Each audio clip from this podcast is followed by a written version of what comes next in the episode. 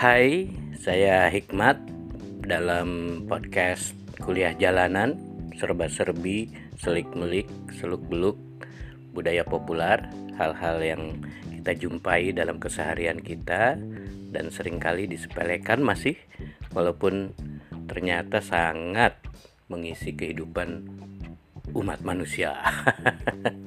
ya, saya akan eh, ngobrol kali ini tentang majalah Bobo. Majalah Bobo dan bagaimana majalah tersebut turut memengaruhi saya untuk berpikir non hierarkis terhadap uh, medium uh, cerita.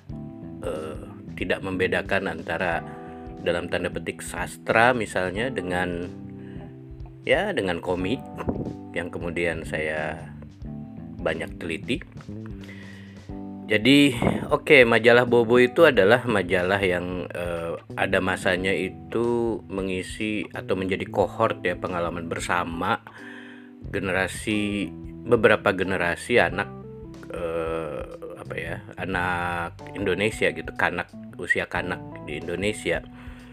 Saya nggak tahu persisnya sampai kapan, tetapi jelas di tahun 80-an kalau anak-anak ya kohortnya majalah Bobo walaupun tidak semua berlangganan atau mampu membelinya. Ya, tapi jadi bacaan bersama juga biasanya. Lalu kalau remaja kemudian ada majalah Hai ya waktu itu. Majalah Hai itu terbit pertama kali itu tahun 1977 ya kalau nggak salah ya. Kalau majalah Bobo itu eh, pertama kali terbit itu 14 April 1973.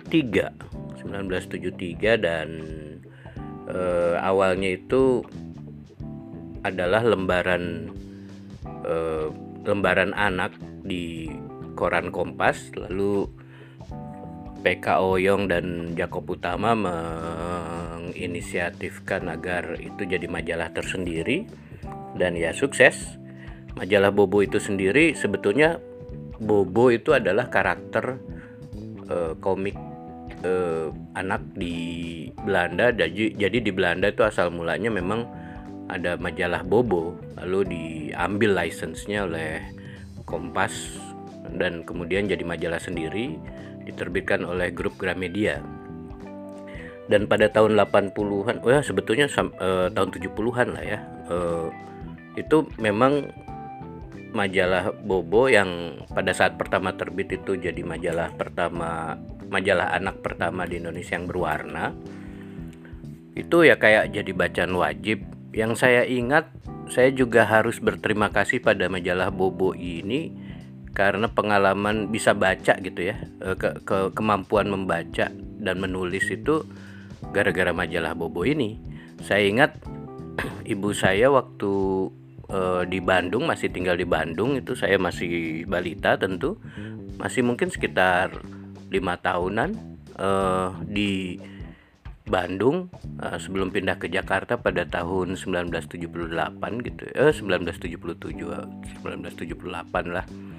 Itu uh, saya dilanggankan majalah Bobo oleh ibu saya.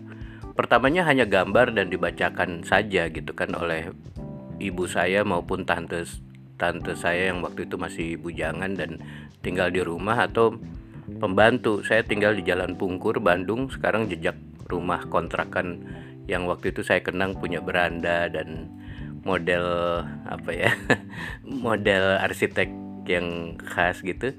Uh, udah nggak ada lagi gitu sekarang di uh, Jalan Pungkur Bandung itu.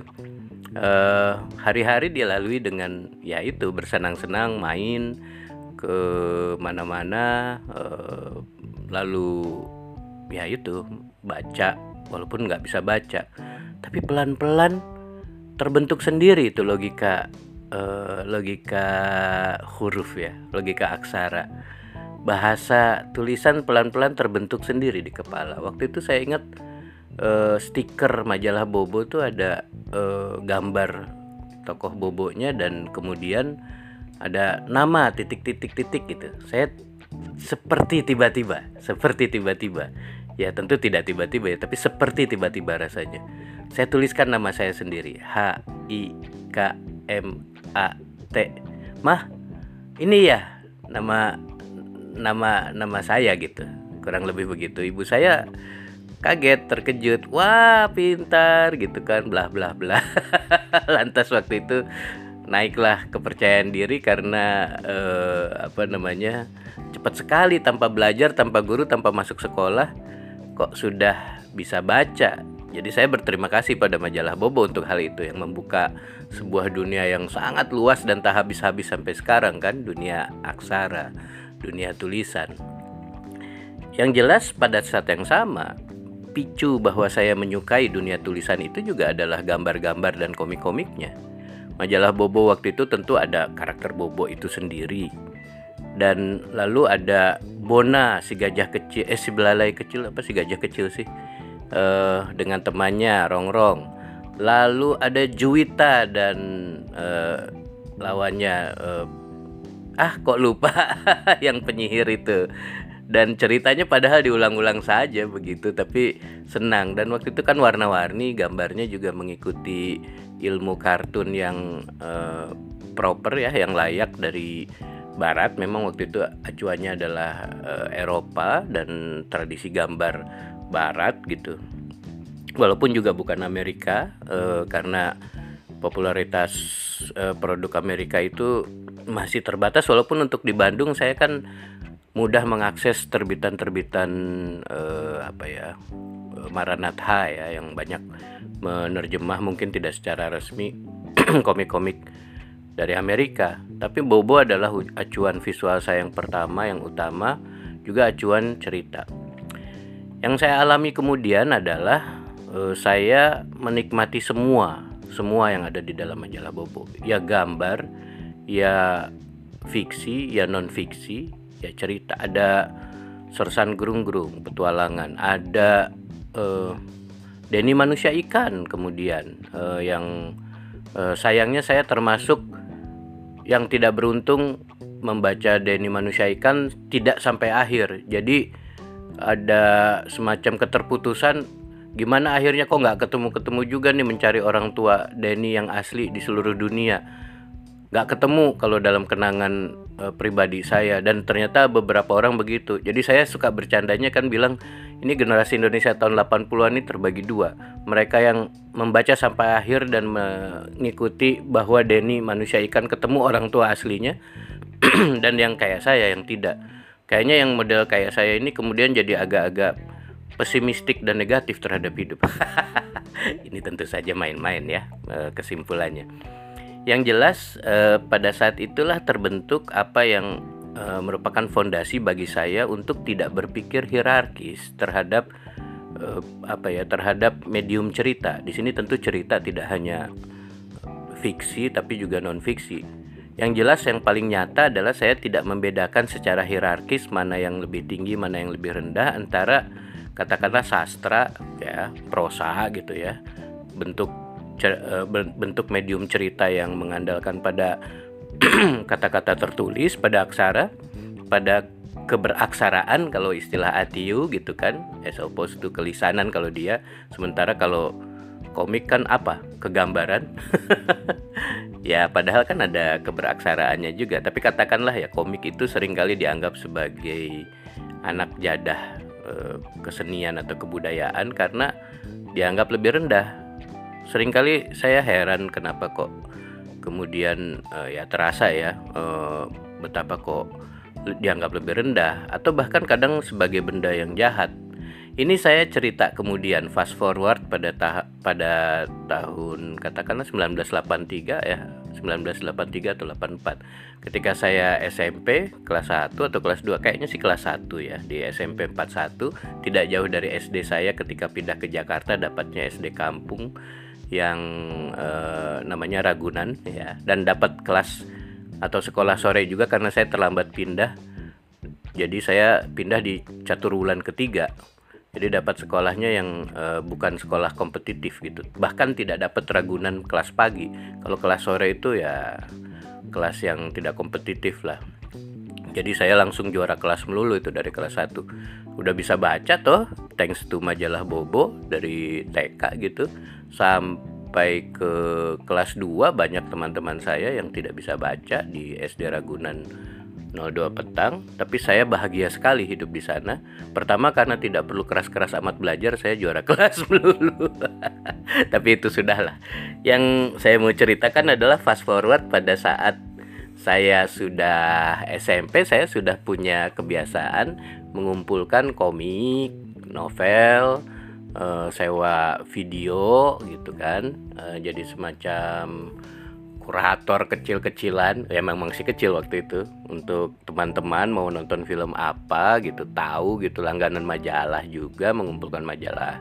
Saya waktu itu sudah mulai baca majalah Hai tapi juga majalah dewasa kayak majalah Kartini atau Femina atau juga majalah Zaman kemudian saya suka sekali tapi yang jelas ya pada tahun 80-an itu saya sering kali jadi bandar untuk teman-teman meminjam banyak hal. Satu kali dilalah gitu ya.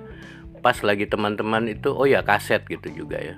Teman-teman mengembalikan kaset, komik, novel kepada saya, saya masukkan ke tas, tahu-tahu ada razia dari guru. Dan kemudian mereka menemukan benda-benda yang dikembalikan dan sudah ada di dalam tas saya itu uh, dan saya dianggap melanggar aturan sekolah. Jadi saya dihukum di kantor kepala sekolah bersama teman-teman yang ditemukan membawa pisau, membawa rokok. Jadi ternyata benda-benda seperti komik, buku, novel gitu ya dan kaset ya musik itu dianggap benda-benda kriminal setara dengan pisau dan dan rokok. Jadilah saya bersama teman-teman preman saya eh, dihukum untuk mengepel mengepel apa namanya ruang kepala sekolah dan sebagainya tidak boleh mengikuti pelajaran.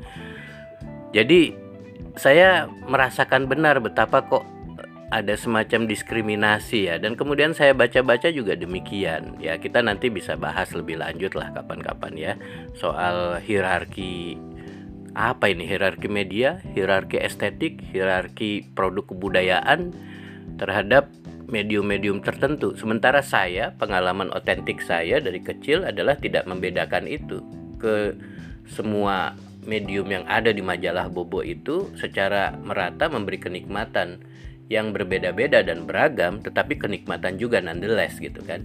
Jadi saya merasa eh, terima kasih kepada majalah Bobo antara lain eh, Bobo Indonesia tentunya. Saya mengembangkan pemikiran dan juga sikap yang filosofis maupun praktis terhadap produk-produk budaya dan medium cerita yang ada, tidak membedakannya dan terbuka pada kemungkinan bahwa setiap medium cerita itu memiliki susastranya sendiri. Ya, demikianlah uh, obrolan saya ini sesudah jam sahur. Uh, saya Hikmat amit mundur dari uh, episode ini. Nantikan episode sel episode selanjutnya kuliah jalanan yang membahas serba-serbi, selik-melik, seluk-beluk budaya populer di sekeliling kita. Salam.